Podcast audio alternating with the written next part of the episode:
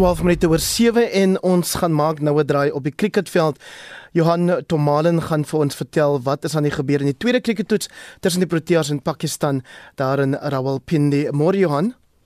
Goeiemôre Heinrich. Ja, opwindende nuus hier op die tweede dag van die tweede toets in Rawalpindi. Dit was daar 'n dag van 2 vroeg in die oggendskool want slegs op die tweede bal van hierdie dag was dit Andri Gnorke wat toegeslaan het en hy die groot vis Babar Azam uitgehaal en uh, Suid-Afrika wat in twee paaltjies reeds vanoggend geneem het. Babar Azam wat na 'n bal gespeel het wat bietjie wat hy dalk met rus kon gelaat het en Andre Gnorke se goeie balwerk. Hy het 'n brandjie bygekry en Faf Du Plessis het hom in die glippe gevang en dit is Babar Azam die kaptein van Pakistan wat dan uit is op 77 lopies sonder dat hy by, uh, by sy oornagtelling kon byvoeg en ook 'n vennootskap van 123 tussen Babar Azam en Fawad Alam wat tot 'n einde gekom het. Dan is Alam nou uitgehardloop deur baie goeie veldwerk deur ehm um, Themba Bavuma, so die twee groot spelers wat oor na 77 gehad het, dit was Babar Azam en dan Fawad Alam, hy kon 'n paar lopies byvoeg by sy telling. Hy is dan uit vir 45.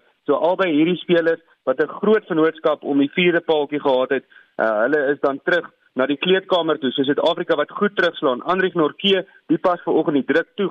Baie goed toe. Hy bal goed en kyk, hy en Keshaf Maharaj het die balwerke open en Kagiso Rabada wat ook reeds vanoggend ingespan het aan ingespan is eerder George Linde is nog nie terug op die veld nie, maar uh, sy besering lyk heel goed en hy kan dalk weer vandag bal. Spel wat vanoggend 'n bietjie vroeër begin het omdat ons gister die derde sessie nie uh, laat plaasvind dit nie as gevolg van die reën, maar dit lyk of die vog in die oggendsessie Suid-Afrika beslis help. Pakistan wat dan nou reeds twee paaltjies verloor het vanoggend, hulle staan op 149 vir 5.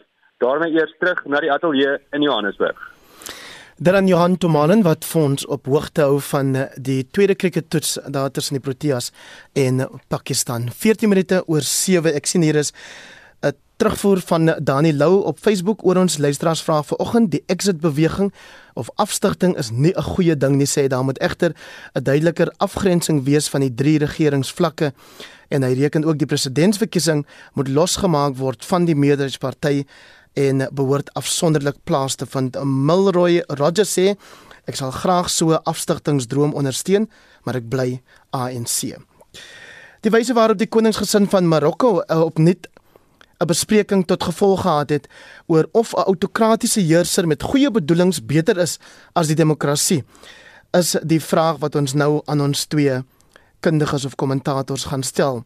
Dit is 'n kwessie waaroor die Afrika-kenner Lise Lou Wouderen in haar nuutste bydrae vir Netwerk 24 skryf. En uh, sy is vanoggend ons gas hier saam met professor Pieter Dievenage, 'n filosoof en ook die dekaan van die fakulteit Geesteswetenskappe aan Akademia. Goeiemôre aan julle albei. Môre eindig. Goeiemôre. Lise, jou vertrekpunt is die koningsgesin in Marokko en hoe hulle die COVID-19 pandemie daar hanteer. Verduidelik kortliks vir die luisteraars wat jy uh die punt wat jy daar wil maak.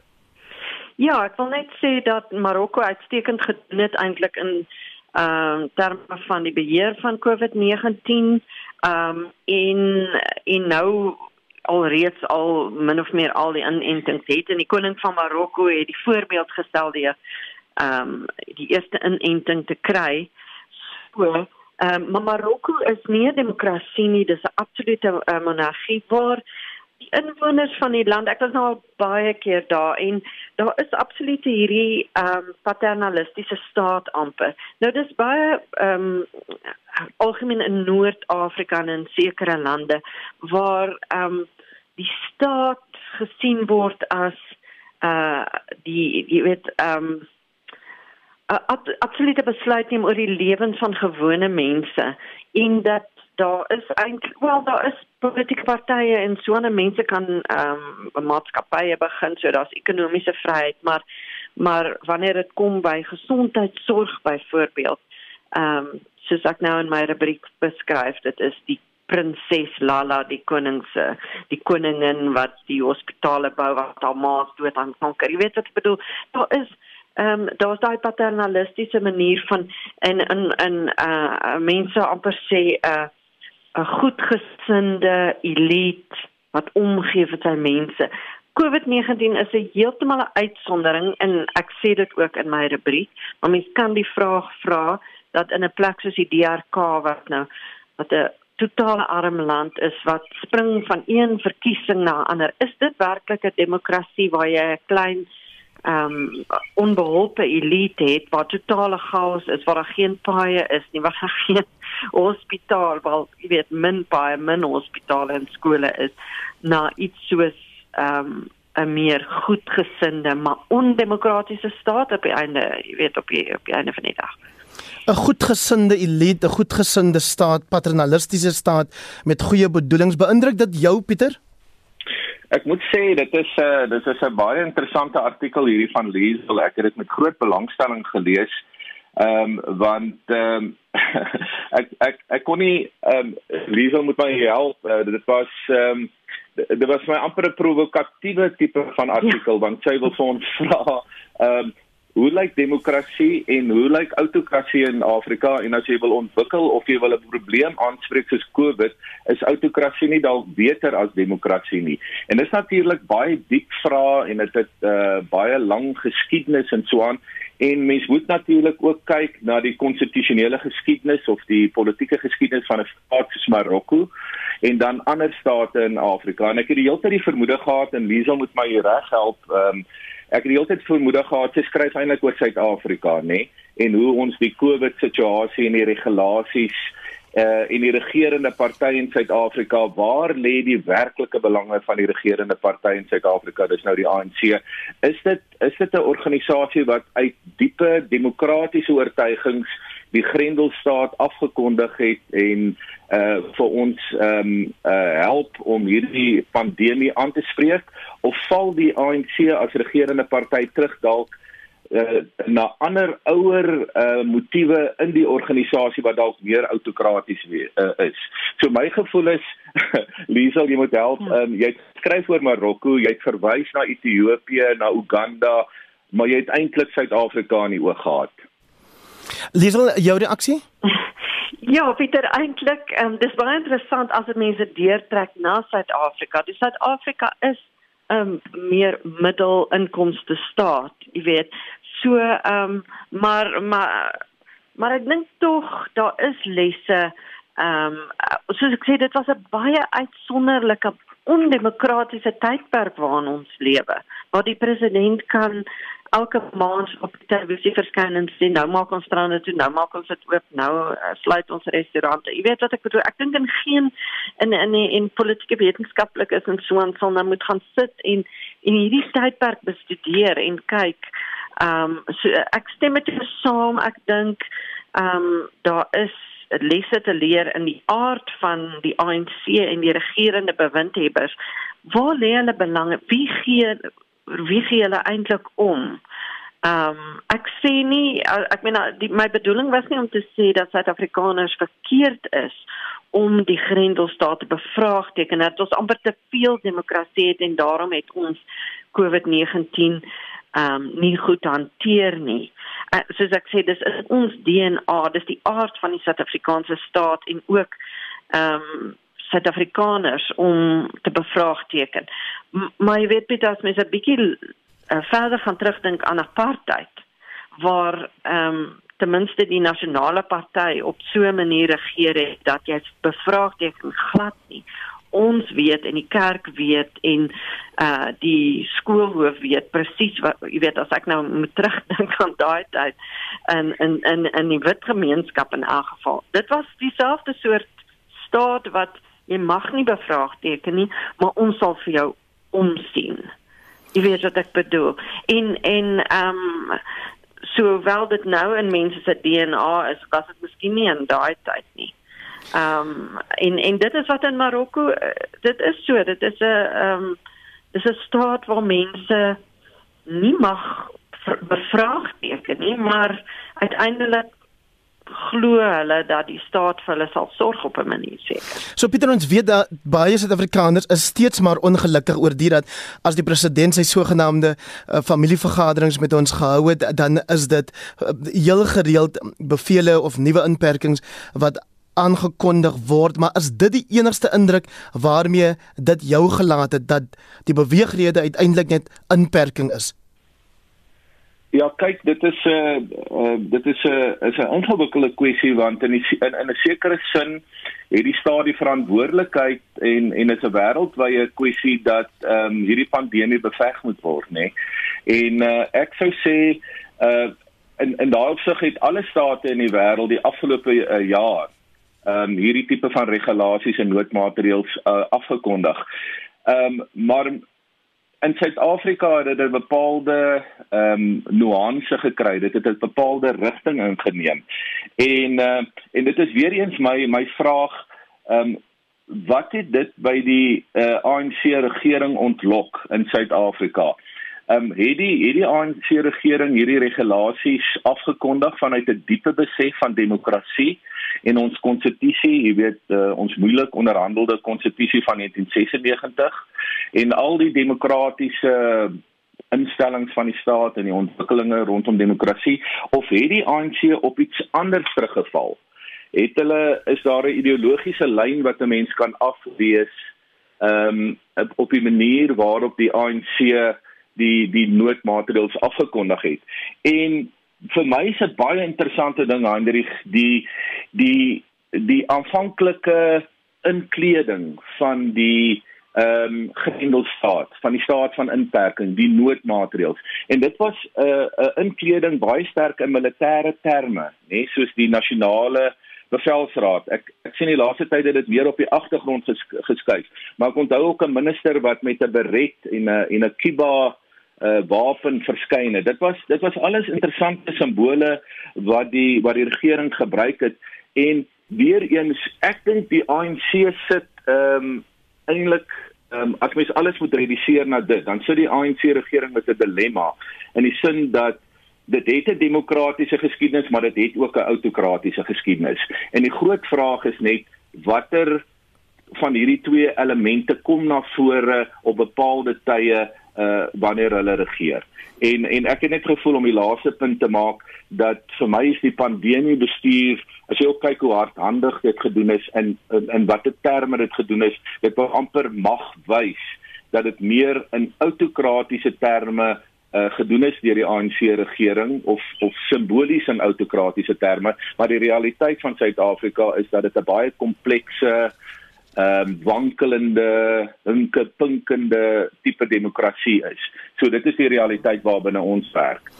Ons het net tyd vir 'n baie kort antwoord van elkeen van julle oor die feit dat oud-president Zuma gereeld gesê het hy wens hy was 'n diktator vir sien nou maar net 6 maande om dinge vinniger te laat gebeur wat transformasie en herverdeling byvoorbeeld betref. Sou Liesel en Pieter president Ramaphosa dinge vinniger kon laat gebeur het vandag as hy nie soveel van 'n konstitusionele konstitusionalis Wel genade was nie iemand wat wyd raadpleeg nie. 'n Kort antwoord van jou en dan van Pieter asseblief.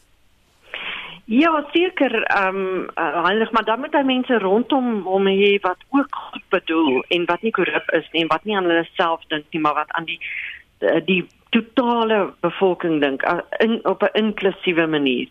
Net as 'n laaste woord dink ek ook Heinrich, interessant het ons gesien die nasie staat oorneem. Privaat maatskappye kon nie byvoorbeeld inentings ehm um, doen nie. Jy weet, so ons leef in 'n globale wêreld waar ons dink um Anglo-American in um uh, jy weet Amazon of Google of Vehicle um dit groter mag as as state. Goed. Maar nou nou het die ding op sy kop gedraai. Miskien is dit vir 'n ander gesprek. Pieter die die woord is konstitusionalis. Ek wil ja. weet of dit as 'n remskoen dien vir president Ramaphosa. Jou kort antwoord asseblief. Ja, maar Hendrik, ek dink ek president Ramaphosa is is 'n komplekse geval. Ek dink hy baie demokratiese elemente. Hy kom uit die ou UDF geskiedenis.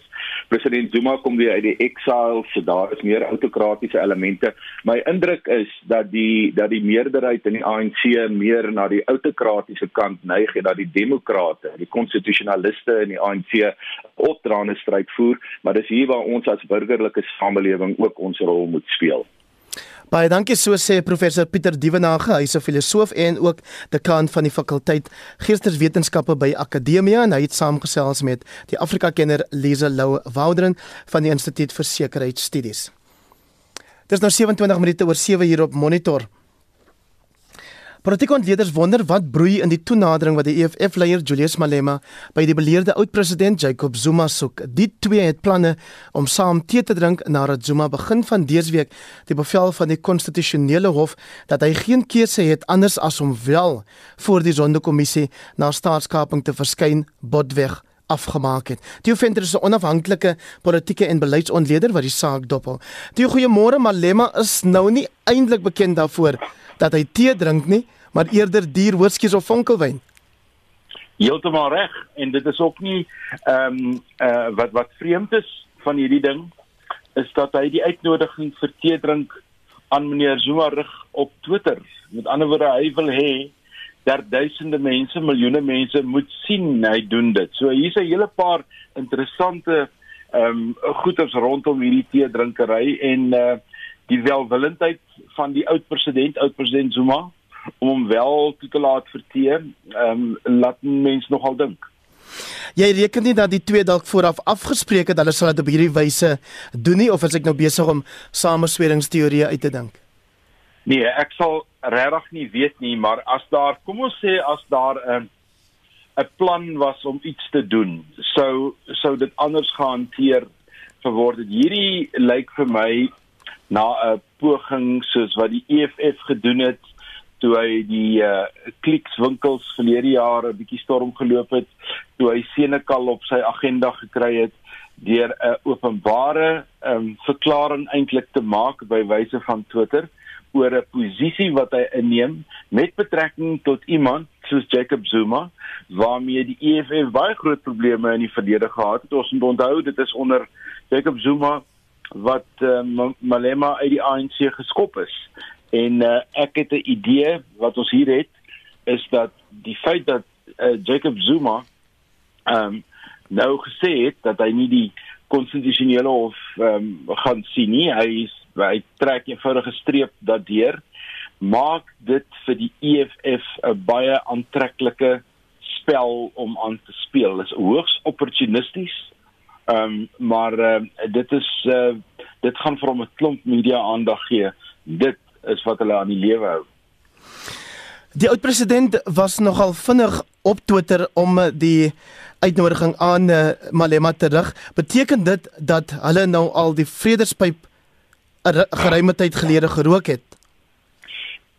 Ja, ek en die politiek is vredespype maar baie baie iffie goeters. Um, ek dink hier het ons eerder te doen met eh, 'n uh, gemeenskaplike vyand. Ons het hier eerder te doen met die feit dat ehm um, uh Malema, onthou Malema is destyds ehm um, verhoor deur Derek Hanekom.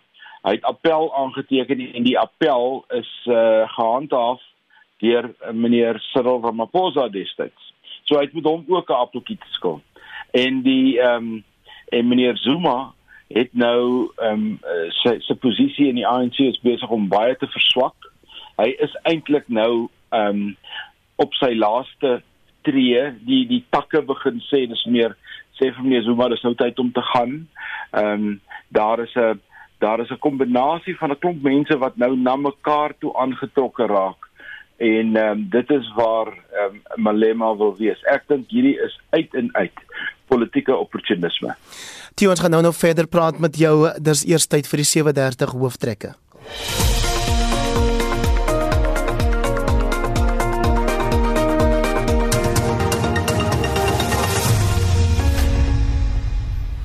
Byna 7:32 en ons praat nog vir 'n minuut of wat met Theo Venter, onafhanklike politieke en beleidsontleder oor die toenadering tussen oud-president Jacob Zuma en Julius Malema, die leier van die EFF. Wat reken jy Theo sou die EFF vir Zuma kon bied in sy stryd met die staatskapingskommissie?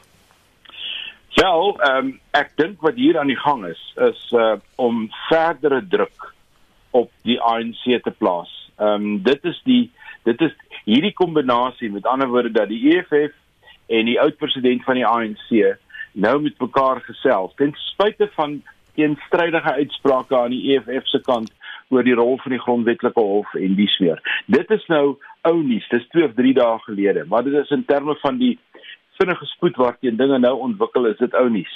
En ek lei af dat hierdie byeenkoms is nog 'n verdere treetjie in meneer Zuma se pogings om druk op die ANC te plaas. Meneer Zuma se strategie is duidelik. Hy wil die slagoffer wees en hy wil druk sit op die ANC. Hoekom wil hy druk sit op die ANC?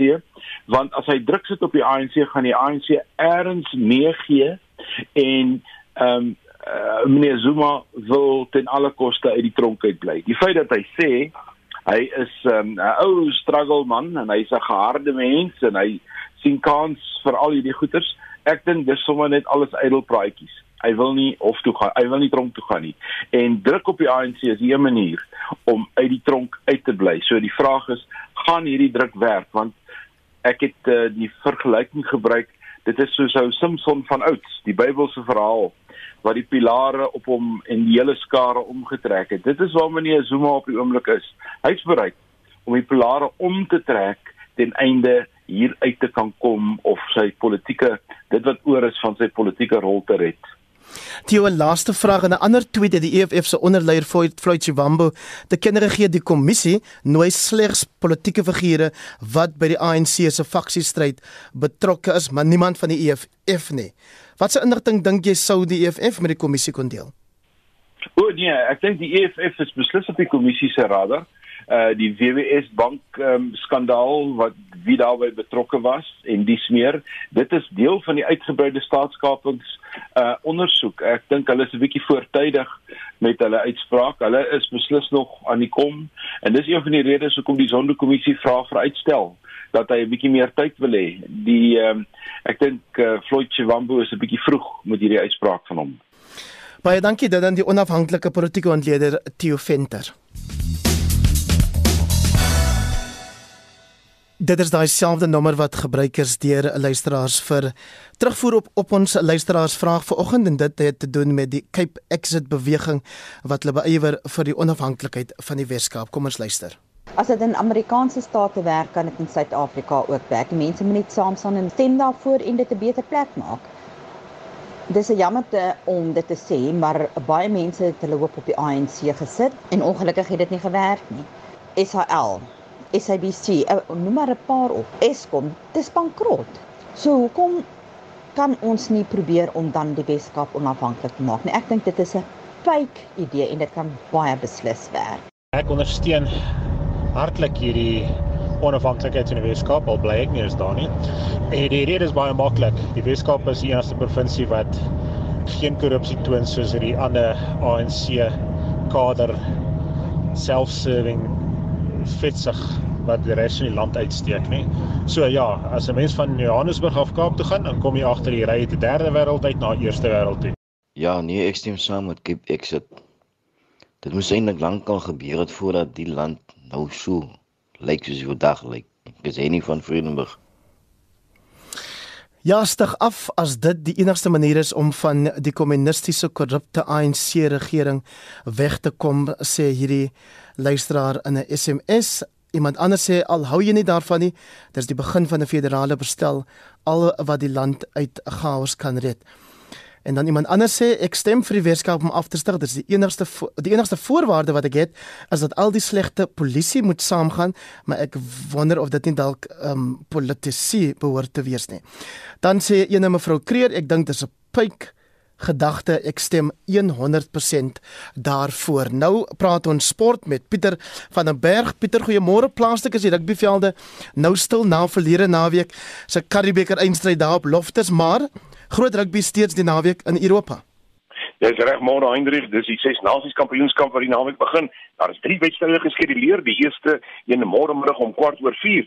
Dit is Italië teen Frankryk en ek sien dat dit die twee Suid-Afrikaners, Paul Willemse en Bernard Leroux, hulle sal daar die slotpaar wees van Frankryk. Dan eh, later die aand is alle oë op Twickenham, wanneer Engeland teen Skotland op die veld raak. Dis om kwart voor 7 Suid-Afrikaanse tyd. En dan Sondag om 5:00 die middag, dit Wales teen Ierland. En Heinrich gepraat van rugby Sondag word die Super Bowl in Amerika gespeel. Nou dis die eindstryd van Amerikaanse voetbal of rugby en dan môre middag om 3:00 in RSG Sport sal Jody Hendricks omvattend met Rian van der Berg gesels oor die reëls van Amerikaanse voetbal, asook die eindstryd wat voorlê en natuurlik wat verwag kan word.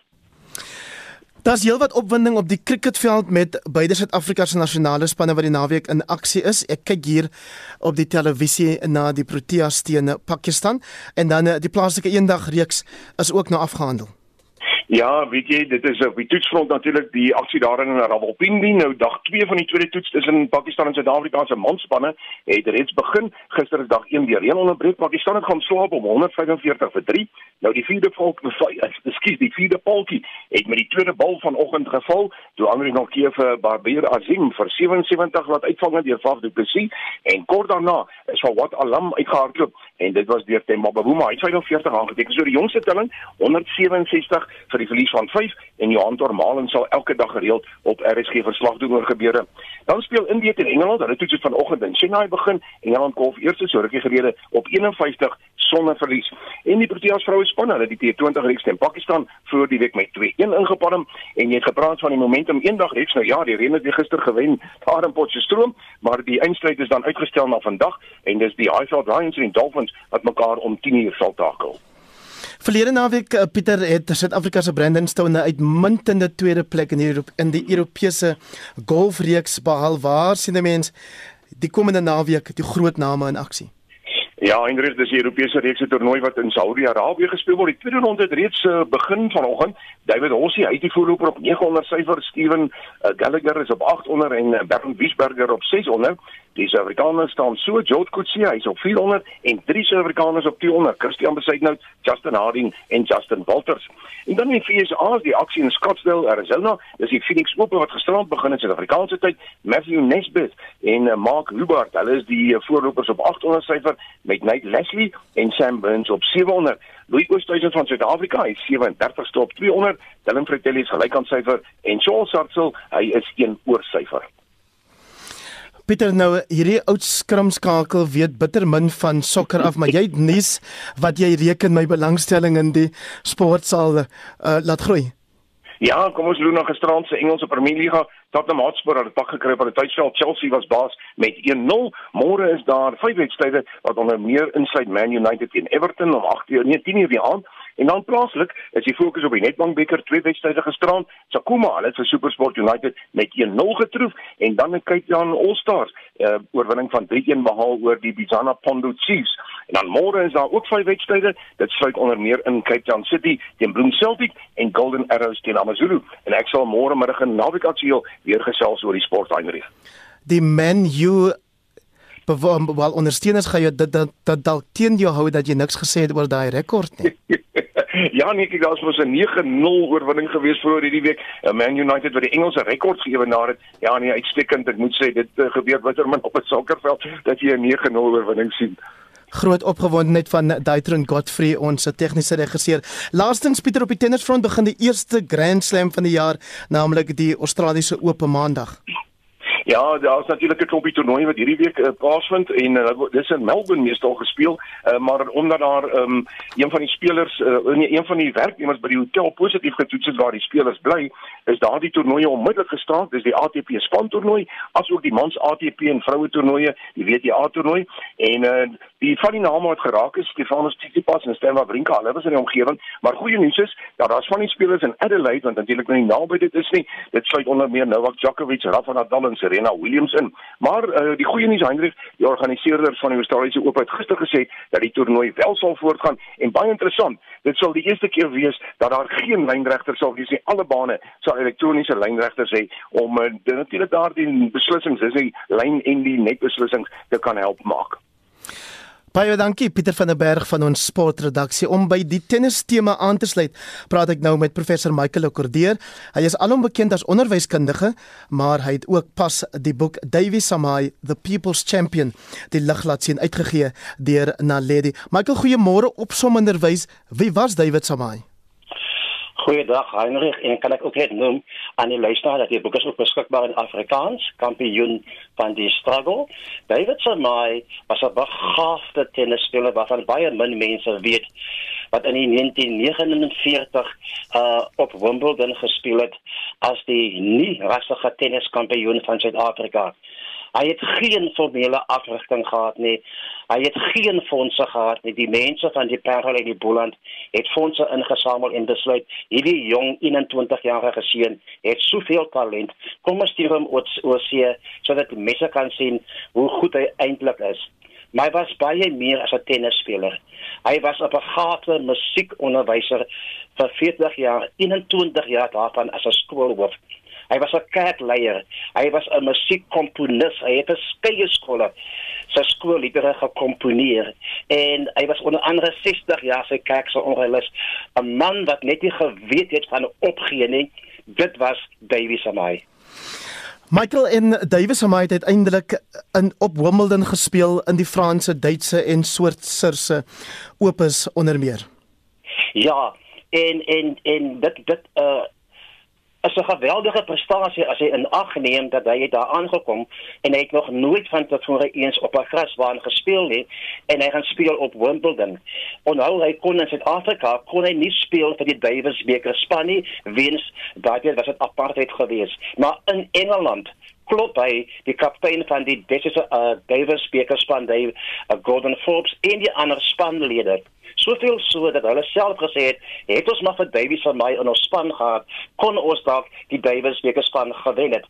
Maar dit was Davies van my. Hy het geglo in dissipline, hy het geglo in harde werk. Hy kon so so baie ander mense die skuld gepak het op apartheid, maar hy het nie. Hy het gesê ek gaan hard werk en ek gaan my tyd spandeer aan onderwys. Hy het geglo met onderwys kan hy hom en sy mense vrymaak en kan hulle hulle maksimum potensiaal eendag verwesenlik. Jy verwys na hom en sy mense en dan wonder 'n mens of die mense aan die ander kant van die treinspoor enigsins destyds geweet het van sy prestasies.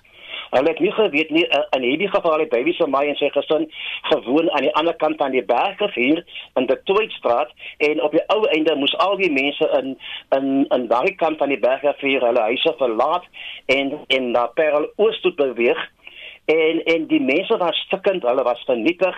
Baie het geglo dis die einde van hulle lewe, maar baie van my het gesê dat dis nie die einde nie. Dis alles behalwe game set and match. En en hy het hulle gewys, kom ons begin met tennis, begin met sport. Kom ons herbou ons skole, kom ons herbou ons kerk en ek speel self 'n leidende rol in die in die skool. Hy hy het soveel aanbiedinge gehad om in Engeland te kon speel. En en en in vandag se terme was dit eintlik 'n outomatiese keuse. Maar Davies en my het besluit nee, ek gaan huis toe. My mense het my meer nodig as wat Engeland vir my nodig het. Hy gaan huis toe. Hy raak betrokke by sy kerk.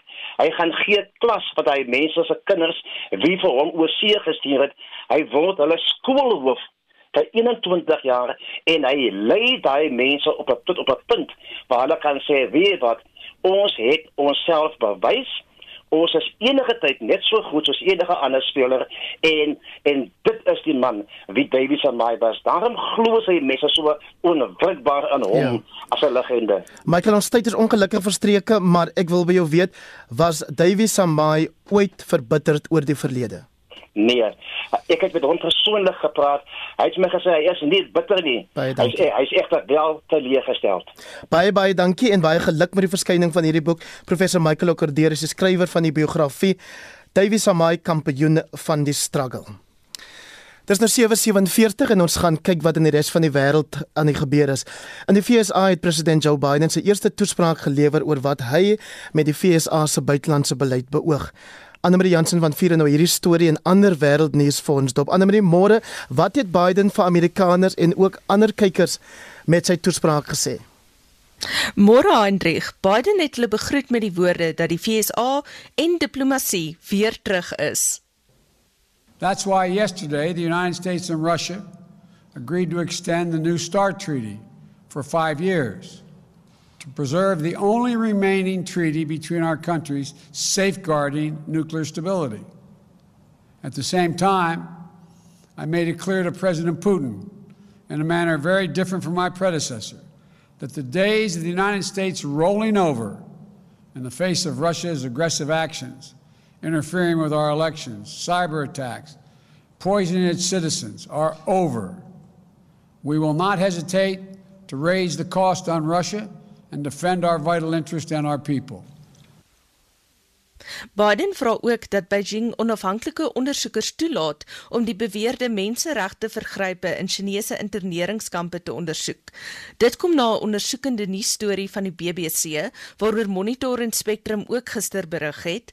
Die Australiese minister van buitelandse sake, Marie Spain, sowel as die Britse minister vir Asië, Nigel Adams, het ook hulle stem hierby gevoeg en spesifiek gevra dat die VN 'n spesiale ondersoek hieroor van stapel moet stuur. Terwyl dit hier op plaaslike bodem oorstroom weens al die reën, Anne-Marie veroorsaak storm Justine in Frankryk ook groot oorstromings.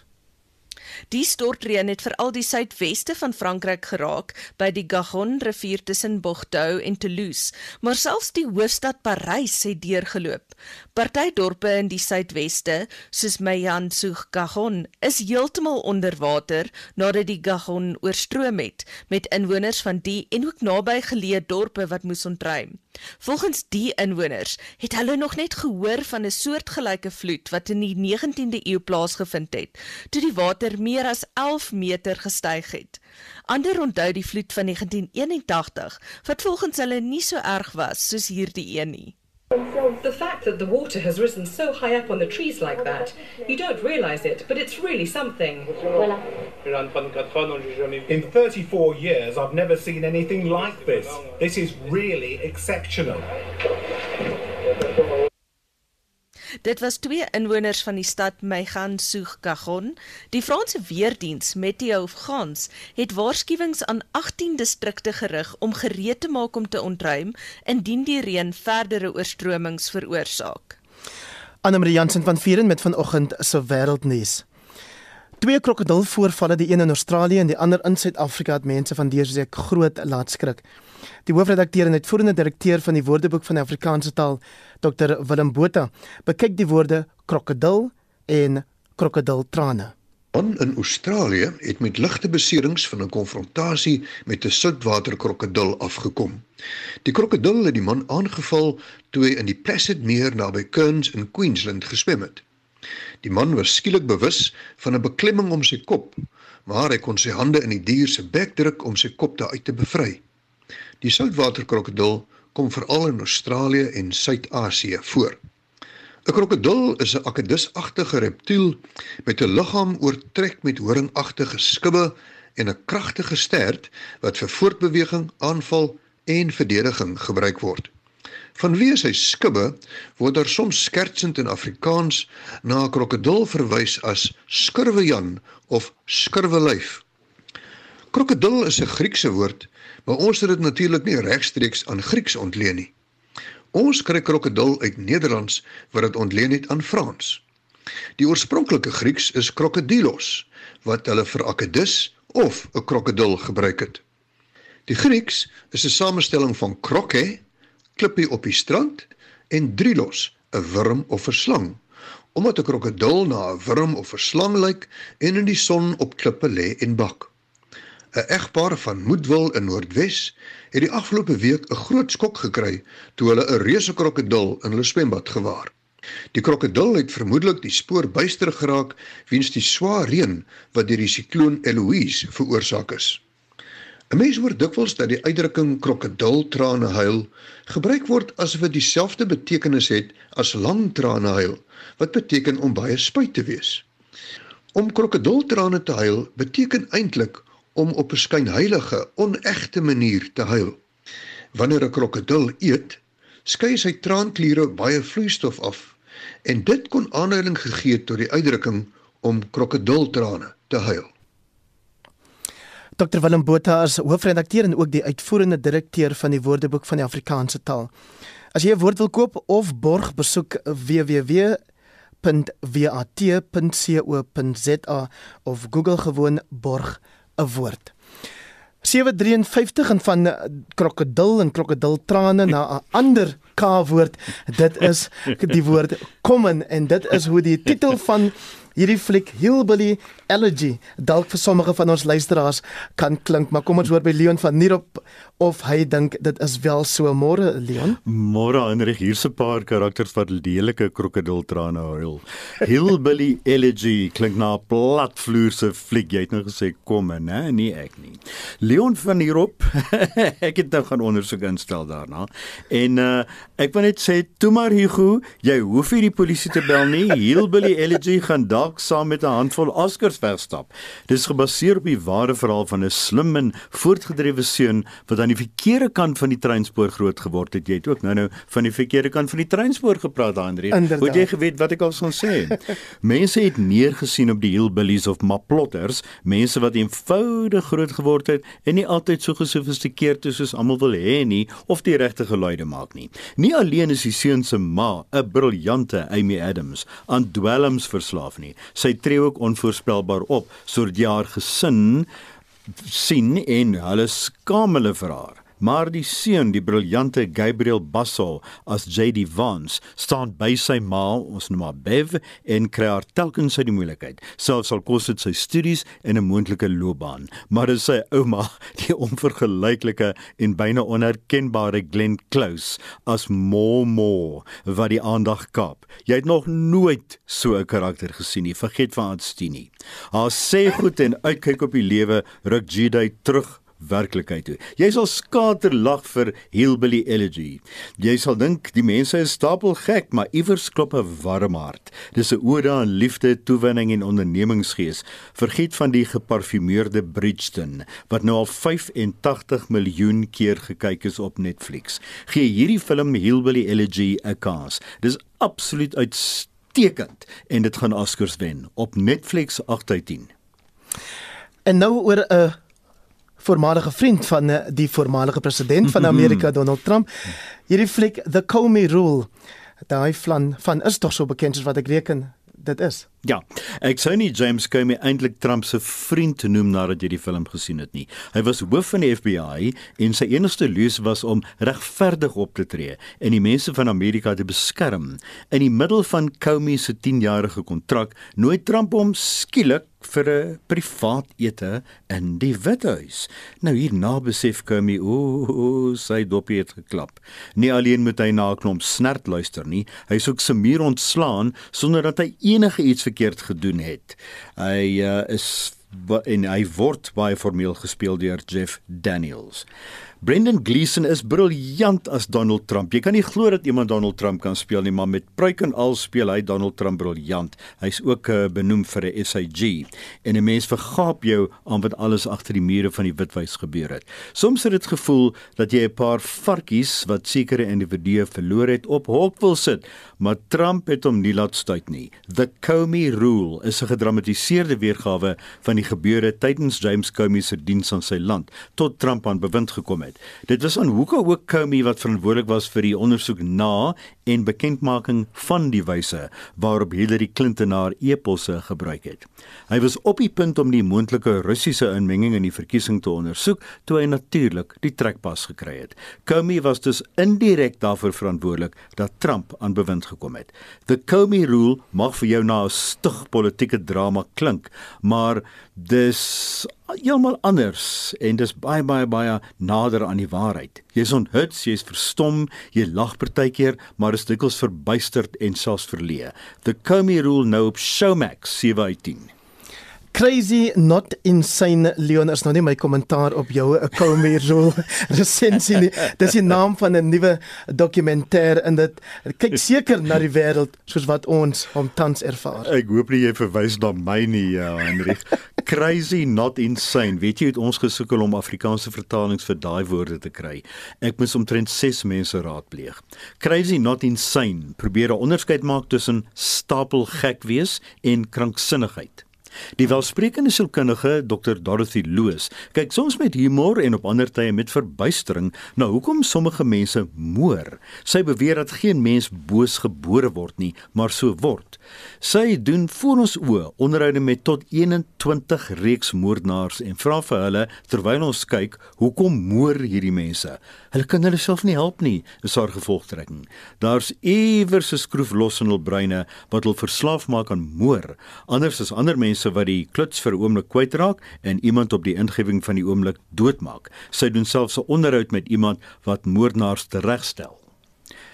Crazy not insane sal jou boei van begin tot einde. Dis veral die feit dat die sielkundige haarself nooit te ernstig opneem nie wat so verrassend is. En natuurlik wat reeks moordenaars alles kwytraak. Sommige praat in verskillende stemme. Jy sien dit voor jou gebeur en dis die dokter se punt. Hulle kan hulle self nie help nie, maar die doodstraf sê sy is nie die oplossing nie. Dit laat haar natuurlik in die warm water beland.